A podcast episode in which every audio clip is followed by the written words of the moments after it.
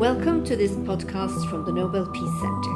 This episode is a post film talk about the Good Friday Agreement in Northern Ireland. It took place at Victoria Cinema in Oslo after the screening of the film In the Name of Peace, a documentary about the Nobel Peace Prize laureate John Hume. In the panel, we meet director Maurice Fitzpatrick, journalist Annette Groth, Professor Henrik Syse from the Peace Research Institute, and Sarah McGrath from the Department of Foreign Affairs and Trade. Moderator is Director Liv Tørres.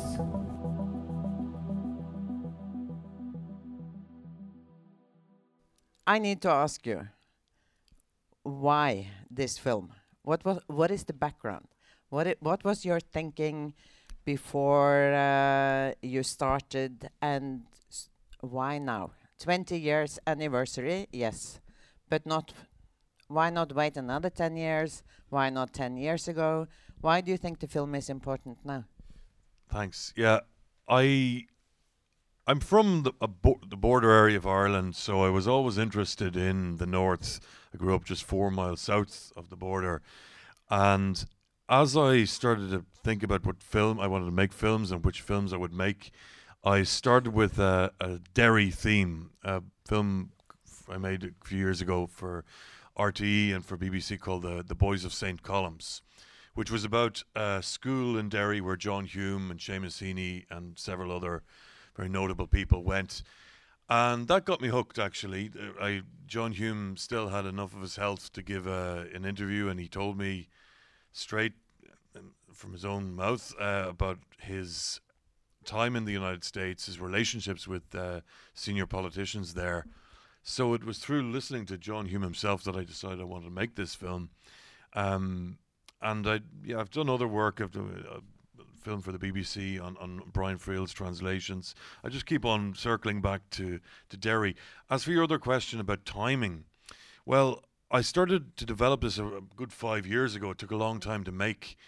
And it's sort of fortuitous that it's just out now with the 20th anniversary, but I honestly I would have loved to have made it a little quicker. It just took a long time to get everyone whom I wanted to get in the film, get them committed, and um, yeah, the timing is particularly good, I suppose, with the 50th anniversary of the civil rights movement and the 20th anniversary of the of the Good Friday Agreement. So all's well that ends well. Well, that's. Uh, I mean, you could you could have said that you had planned it for you know the anniversary. That's. Uh, I appreciate the very the very honest uh, answer. Uh, Annette, I have to go to you. You worked in the UK, Ireland, Northern Ireland in the 80s and the 90s. You were there. I know you have a photo with you, of you and Hume, from the day when he got the the phone call about the Nobel Peace Prize. But tell us a little bit first about what it was like uh, in that period, and to what extent was the Northern Ireland question on the agenda also on the British side? The how important was the issue in the minds of Irish people, people in the U in in on the English side, um, and and what what was the role of John Hume in all of this? Well, I came the first time to Ireland uh, in 1984, and uh, John Hume was uh, one of the first people I knew. Um, but for me, it was like I was a young journalist. I loved England. My father was a doctor for the British Embassy. I knew lots of British people. I'd been to summer school. And then suddenly I started as a young journalist to be interested in Ireland, and especially Northern Ireland and I couldn't believe what I saw there. Uh, it was just around the corner from us, and this mother of democracies, our big friend, it was internment without without uh, trial. There was Bloody Sunday. There was the hunger strikes. There were loads of things that I couldn't understand. And as a young journalist, I then became very interested. And I must say, the interest in Norway wasn't that I was, you know, terrorizing my bosses. to be able to go there and uh, doing the stories, working for radio first, and then later on also for television. But um, there, I mean, it was a really hard struggle. You can, I mean, the, the, the relationship between Republicans and nationalists, for instance, as uh, you know, the IRA, uh, and then the John Hume people.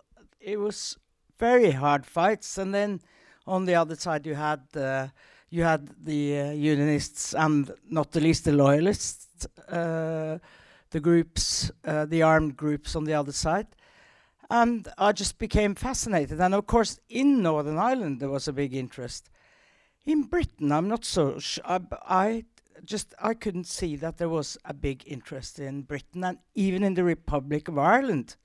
I mean, my friends there, they had been less to Northern Ireland than I had. Much. I mean, they, they were barely there. So it was a very strange conflict, and it it uh, I, I got very interested in it and followed it ever since. And 47% unemployment, huh? Yeah, I mean, uh, you probably here haven't heard about Father Des Wilson, but um, he's a Catholic priest, uh, and uh, he was in Ballymurphy, which is a was a very poor part of um, Belfast, and uh, in Ballymurphy, at the worst of times, there were about this is a Catholic area. You know, they didn't live, and still, yeah, they didn't live in the same areas. Up to eighty percent unemployment. You know, it was very unfair. Um, as you could see in the film, I mean, it was the the big uh, parliament stormont. What did they call it? A Protestant parliament for a Protestant people. It was. I mean, the discrimination was so huge you couldn't believe it. So that's why John Hume and all the others, uh, you know, started uh, fighting for human rights and and going in these parades. And uh, um, yeah, it was deeply unfair. And again, as a young journalist, you you just can't believe it's just around the corner. Now, Henrik, I'm to do the whole circle here. I'm not going to ask you which leaders get the Nobel Peace Prize this year. Oh, I was uh, supposed to tell you. uh, but I'd, I'd, I'd like to hear from you. You've followed and gone in depth in, in many peace processes uh, around the world. Um, I'd like to hear your thinking about the importance of personalities, of leaders. Uh, someone said during the film here that we need to look at the process, but and and that is important too. It it took a while also, but the importance of leaders. What was really the importance of John Hume? in your view? I mean, we're mm. celebrating the 50th anniversary of, of mm. the killing of, well, celebrating, we're marking, marking. of Martin Luther King. There's the 100 Kennedy years right now, anniversary yeah. of the birth of Madiba in a few hmm. weeks. Leaders, how important are they and mm. they and why? Great question. Uh, first, want to say congratulations on the film. It's very moving, and there is such a uh, collection of leaders speaking that we get to know through this film. Uh, also, great thanks to the ambassadors of Ireland and Great Britain for being here. To the ambassador of Ireland uh, for uh, really spending time on spreading this story, which is an important story. I'm sure in your own country as well, reminding us of that. So, thank you for taking this initiative. Uh, you may think I'm here as a peace researcher. You may think I'm here as a member of the Nobel Committee, but I'm actually here as an alumnus of Boston College. you see, Boston College is the old school of Tip O'Neill. And watching this film was like being back at the BC campus where my wife and I were from 89 to 91. We have sat many hours, haven't we, in the Tip O'Neill Library. And Tip O'Neill, who had that great quote, he said, It's nice to be important, but it's more important to be nice. Um, had that ability together with Ronald Reagan. I'll just mention him briefly before I come to John Hume. Where Ronald Reagan and Tip O'Neill between themselves had this agreement that we never quarrel after six o'clock in the evening. And it may sound trivial, But many people who know the political atmosphere of Washington, D.C. right now say that one of the great frustrations is exactly the fact that one does not speak together. So even when one has things to agree on, important tasks one could take on, they hardly know each other. They hardly socialize.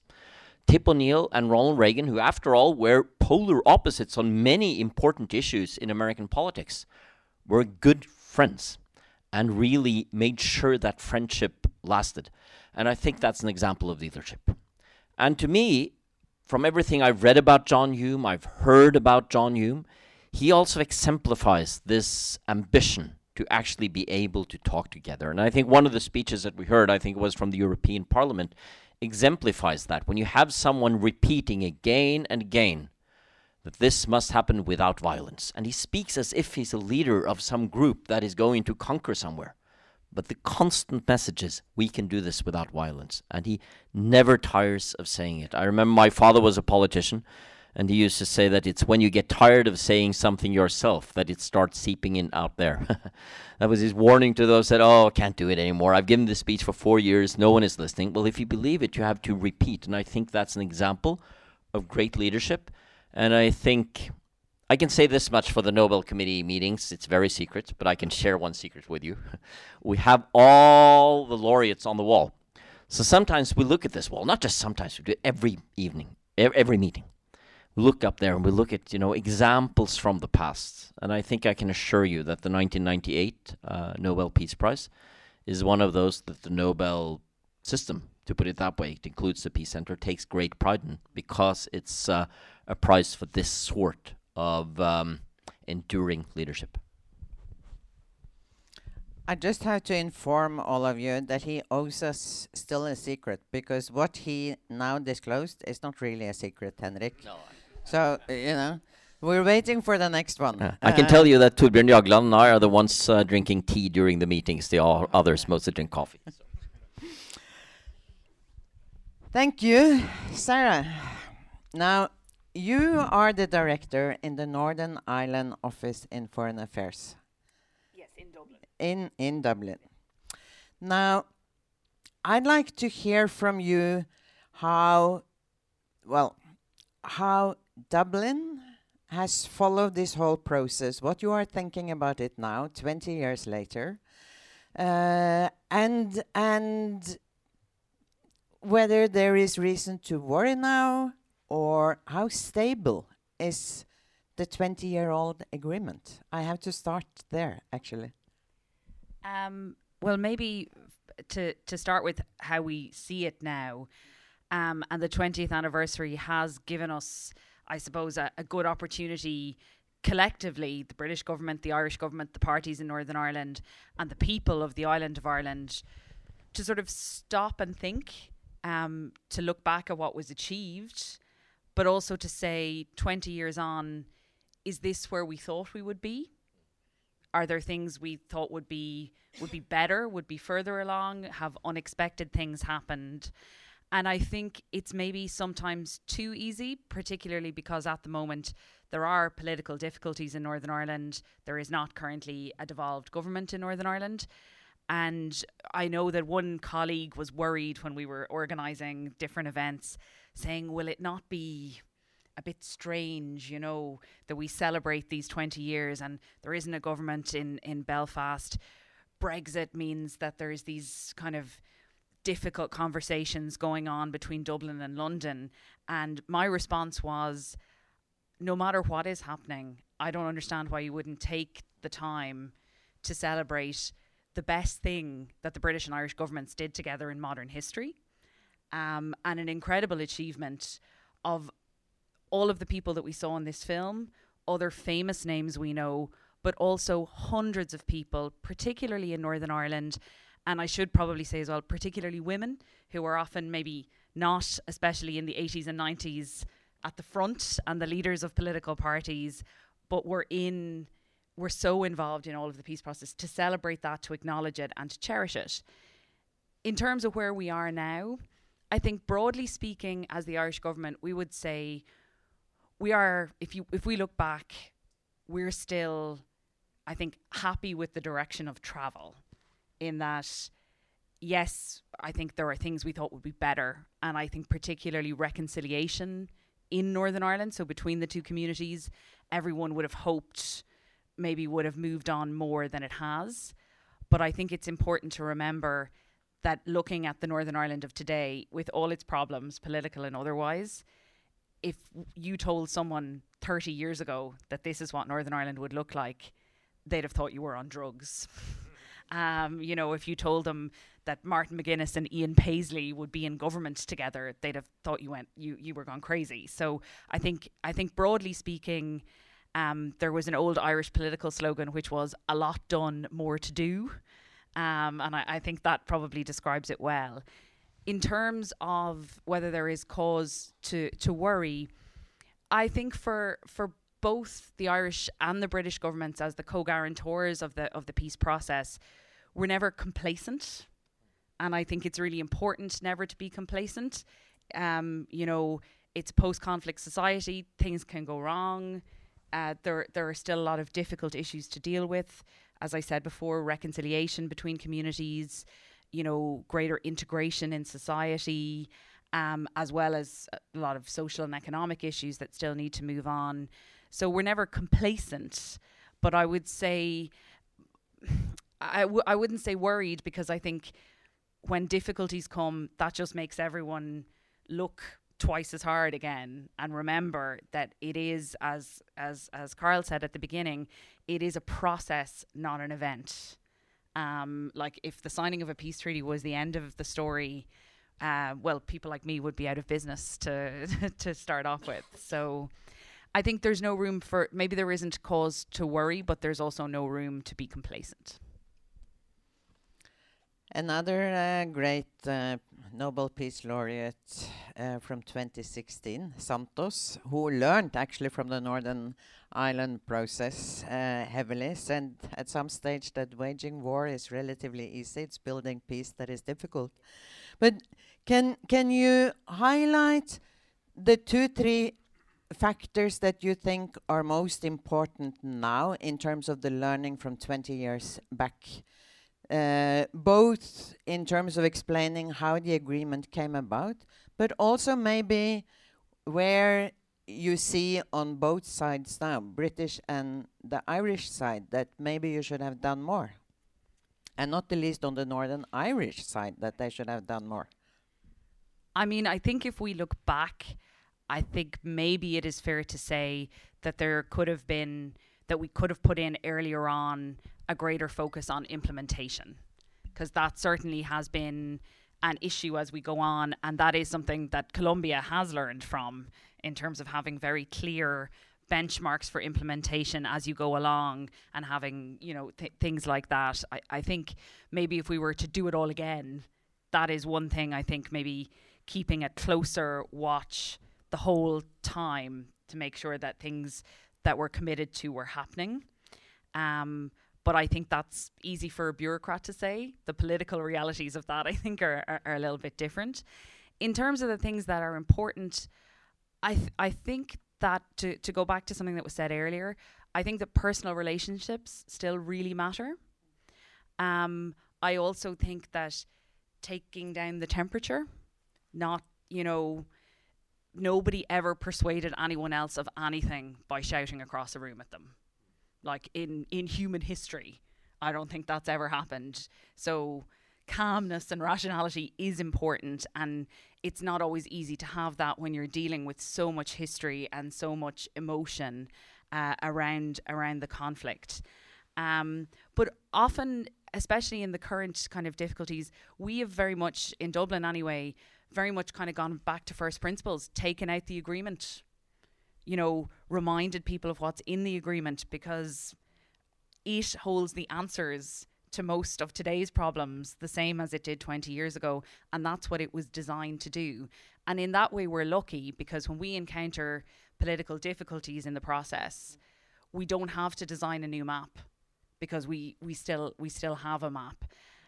People can always do more but I think sometimes it is in terms of people in Northern Ireland and the people of Northern Ireland, it's not for me to speak for them, but I think it's it can be easier to sit outside and see what should happen and how people should move on when it hasn't been your lived experience. And I, I think we all need to be very conscious of that. But it was a fascinating process. I, I think I, I was following it quite close, and uh, it was a choreography they called it. And uh, the American Senator George Mitchell, he was uh, he was a very good mediator here. But what they said, they gave something here, and someone else were angry, and then they gave something there, and someone else were, uh, for instance, saying that uh, the political prisoners would be out uh, after a period of time. On both sides, that created outrage. But they also said everyone has to be in there. I remember Mo Mowlam, who was a fantastic Northern Ireland secretary in uh, in Tony Blair's government. We saw her uh, uh, very briefly in there, but there were these loyalist gunmen in prison, and they didn't want to hear anything about peace or reconciliation. And Mo Mowlam went into the prison, sat down with them, and got them with her. And I think that is maybe, I mean, think of the Middle East, you know, everyone has to be in there, like it or not. And that's the most fascinating thing, I think, about that peace process. And then on the personal notes, you know, you, you mentioned Ian Paisley, the old unionist uh, preacher, and the old IRA leader, uh, Martin McGuinness. And they ended up, because they had some kind of sense of humor together, and uh, they were called the Chuckle Brothers. Uh, and there is this famous photo of them, and uh, and that also is important, of course. But the the whole process where everyone was included, it was fascinating. Can can I pick your brain on well, following up from what Sarah was saying about benchmarks or lack of benchmarks? Uh, you said earlier that you were shocked about the conditions in Northern Ireland when you came there the first time. 47% unemployment. And John Hume himself said that there's hardly a conflict without it having sort of economic roots.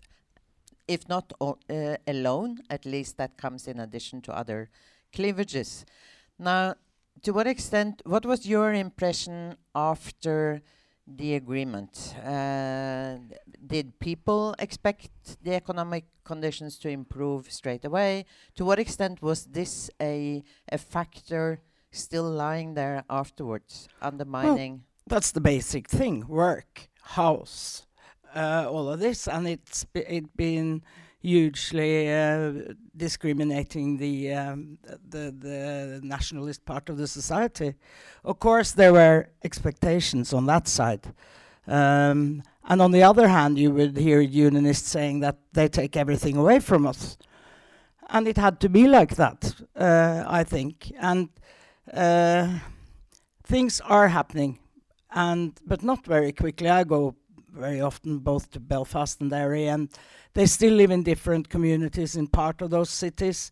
They still don't see very much of each other. But I usually say, I can't remember you saying now, but I usually say, well, okay, we go two steps forward and then maybe one back. But it moves forward, although not too quickly. Henrik, um, all conflicts have got an economic basis. Um, do you think that's that's true? And to what extent do you have that in mind when you sit around that secret table, which you will probably not answer that question anyway? But but please some comments on on at least the first part of my question, mm. and if you can add a little bit on what other peace mediators, peace processes have learned from the Northern Ireland process? Mm. It would be good. Let's take the last one first. Uh, that may be too early to say because we can be hopeful when it comes to, for instance, the relationship between Israel and Palestine. It doesn't look too hopeful now, but we can be. And uh, maybe uh, 10 or 15 years from now, they will say that we learned a lot from that process. I think it oh. stands there as an example. We know from the Colombian peace process, and we know that from Juan Manuel Santos himself, that he took a great interest in learning from Northern Ireland. Now, all of us who do peace and conflict research are always very careful to point out that you cannot just take one model from one place and somehow transpose it to somewhere else, because it's always local in the sense that there are certain specific sensibilities, problems, the geography, the people. Which leads me to your your uh, first question. Uh, sometimes the relationship between the economic side of or social side of a conflict and the ideological, if you will, side of a conflict can be a little bit of a chicken and egg problem. Uh, which actually comes first.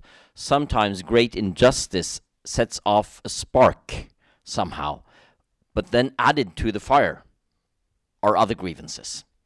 And sometimes even the actors themselves aren't quite sure which one it is, but one should not underestimate the role that ideology can play. I fully agree with what was said in this film, what's been set up here, that one cannot just say that this is a religious conflict. But on the other hand, I would at least say, and I say that as someone who uh, takes part in, in church activities myself, religious leaders, other ideological leaders have a huge responsibility because they can either be conflict entrepreneurs or they can be peacemakers because they know that there is a lot of emotion out there.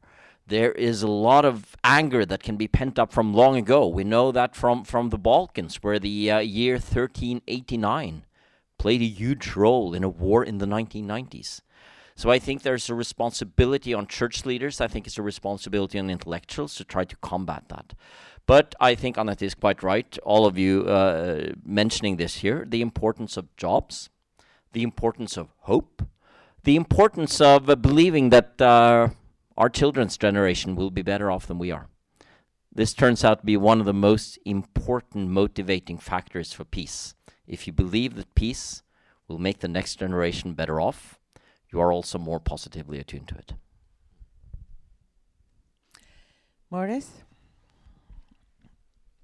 Um, who would you who who do you see is the sort of prime target group for for your film? Uh, you have some thoughts about the messages coming through here.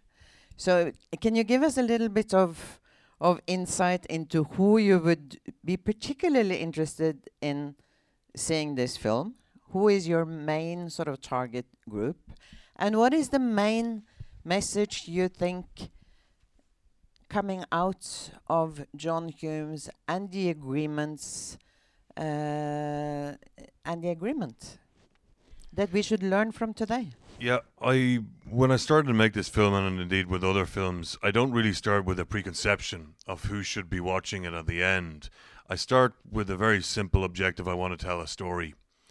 Now, of course, I immediately acknowledge that when one tells a story like this, uh, it does interest certain people very much, and then others who may come to it cold can also get something from it. I'm effectively coming in the middle of a, a world tour. Uh, with this with this film. I was in China and Japan two weeks ago, America last week. Here I am, Helsinki next week. I don't know where after that, somewhere. So I, am on the road a lot, so and I'm encountering different audiences all along the way. If I go to, and I was in a four-city tour of England, of course the word Brexit features again and again and again, and that's very understandable. Uh, in Poland it could be uh, I could be showing it to an audience who, who don't know anything about John Hume or anything about Northern Ireland, but who are very interested in maybe reassessing their history. What was that moment that happened to us in you know Poznan in 1956, the uprising, 68, 89? They start to see their talk about their history, having seen this in a very interesting way, actually. Um, um, in in China, obviously there are parameters in in in political discourse. I mean, I remember showing it. So I showed it in Beijing, and um, just before the showing, uh, a documentary filmmaker approached me and told me about her difficulties in in just releasing a film which sounded really in, really innocuous, something some observational documentary about a train driver, and um, that's something, of course, we elsewhere just take for absolute for granted that we're allowed to make our, our tell our stories, make our films. So, and then America, obviously, I mean, Hendrik mentioned a moment ago, Um, being Boston College, I mean, those kinds of places. Go to Boston, go to um, I will take this. uh, Showed this once in uh, the United States Congress, and I was hosted by a Republican and Democrat congressman there, including, of course, the Irish Embassy, um, many co-organizers. But I thought it was very touching, very poignant to sh- to watch this film in the heart of political Washington, when that might have been the only bi- mo- moment of bipartisanship they experienced that month or that year. I don't know, but it's. I mean, the the Irish question still does unite re- blue and, and red alike, but it's one of the very few um, questions that does. And and and that moment, um, one of John Hume's children, his one of his sons, was present, and he he spoke, and he he said how he just emphasized how inspired his father was coming to the United States and seeing how say Senator Hatch and Senator Kennedy could sit down and maybe they disagreed about absolutely everything under the sun, but they agreed on one thing: we have to work together.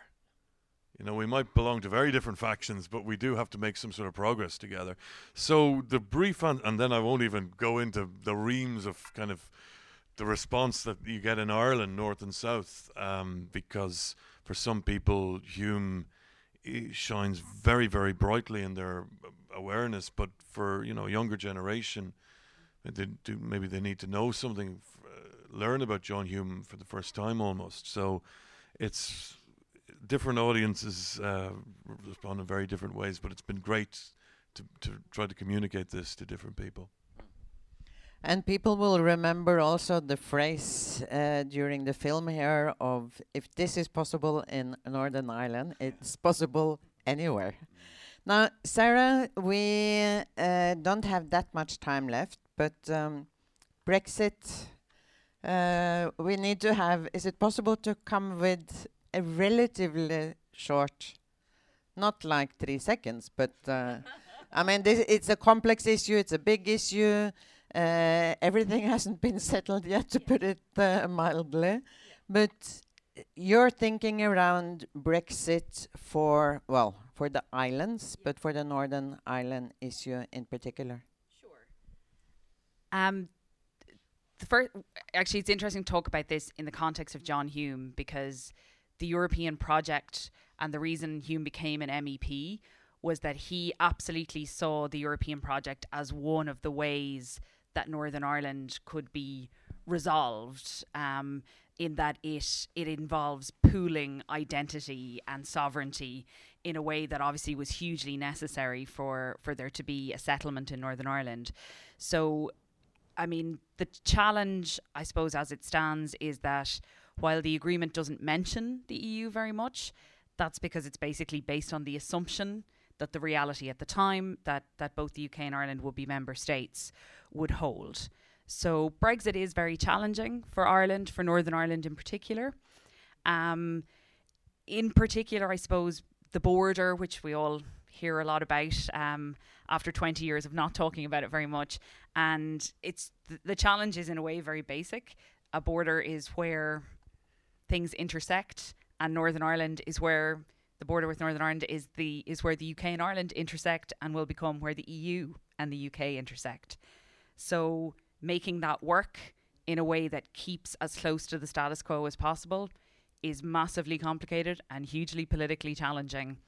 And no one has a, a, an easy answer. Um, and so June, the June European Council will be a very big moment. The view of the Irish government is very clear that what was agreed in December put into uh, put into a, a protocol can at least give us uh, the so-called backstop, um, which is sort of like like the parachute option, the thing that no one wants to happen, but just in case we we have it. That's not agreed yet. There's there's a lot of difficulties, but I think a bigger challenge in some ways for Northern Ireland is that a key element of everything to do with the peace process has been and is and remains and will remain the partnership between the UK and the Irish governments. That's when everything works the best. And the UK government and the Irish government are both absolutely committed to retaining that partnership in terms of Northern Ireland and the agreement. How to do it uh, how to manage it in the context of Brexit is is going to be the trick, um, and it really isn't easy. Um, and I suppose one of the echoes, the unintended consequences, maybe that happens, is when there are robust exchanges, as as they say in diplomacy, between you know the EU and the UK in the context of the negotiations. That's heard in a very particular way in Northern Ireland. What Dublin says is heard in a particular way by unionism. What London says is heard in a particular way by nationalism, and that does provoke something, a, tension and a difficulty inside communities in Northern Ireland that is inevitable but not helpful. But it's going back to leadership. It's the responsibility of all those involved, and particularly the Irish government and the UK government, um, and for the Irish government together with our partners in Brussels to find a way to make it work. But there's no point in pretending that it's easy because it's not. Thank you for that honest comment, and uh, I think uh, you got the whole room with you in taking the spirit from this film forward and hoping that there's still the same focus on rationality and dialogue and, and leadership. Annette, before we we end, you have to tell us a little bit about the reactions of John Hume when he got the message about the Nobel Peace Prize. You were there, and I you had guessed in advance that he was well, we uh, always laureate. we always do that in Norwegian broadcasting. We try and guess who's going to get it, and then sometimes we succeed and sometimes we don't. But we have succeeded quite a few times, and so because I had, I was the uh, correspondent on the British Isles, and I have this very close interest in Northern Ireland. I managed to say to them, "Okay, I'm going there," um, so I did. Uh, and there was a lot of technical problems that I won't bore you with. But John Hume is a cool guy, you know. It was nothing like hooray or anything like that. But he was, I think he was moved and he was very, very honored and happy.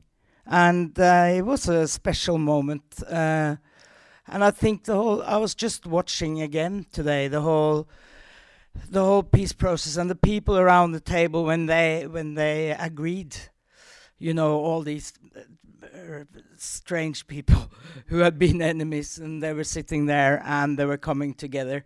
It's really moving. I was uh, crying earlier on. I'll try not to do it now. But um, yes it was a well deserved nobel peace prize and i was here again. I traveled from london here when it was awarded and it was a, a great time. And as someone said here yes they were drinking in the bar together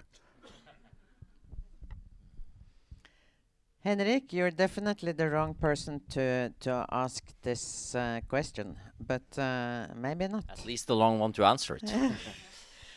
What impact do you think the the Peace Prize has, and what what was your impression from? Uh, uh, well, you were not there in the committee at the time, 20 years ago, but uh, do you think it made a difference? Well, some peace prizes are given in the middle of a process. Some peace prizes are given afterwards. And of course, the ones that are given afterwards have a different sort of effect from those that are given in the midst of it. And Santos's peace prize was very special because the referendum had just said no to the peace agreement that week.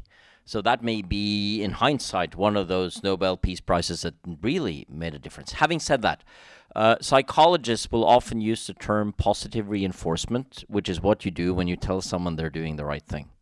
And I'm hoping still, on behalf, I can say on behalf of the Nobel Committee, even though I was not there at the time and can take no credit, that this still works as a sort of positive reinforcement. And to those of you who are storytellers, that this is a story to tell for many, many years to come. That what was done then was given what is, after all, the world's most prestigious peace prize. Uh, and yes, so I'm hoping that that effect is not over, and that this is an example of those that uh, the people concerned will take pride in for a long, long time. I hope so. Thank you. I'm going to give you the last word. I think they were some very good ones to take forward for all of us. We are saying big thanks to the panel First and foremost, to you, Maurice, for the great film with uh, fantastic messages for us to take uh, forward. Learning from Northern Ireland, which is relevant for many parts of the world. Thank you.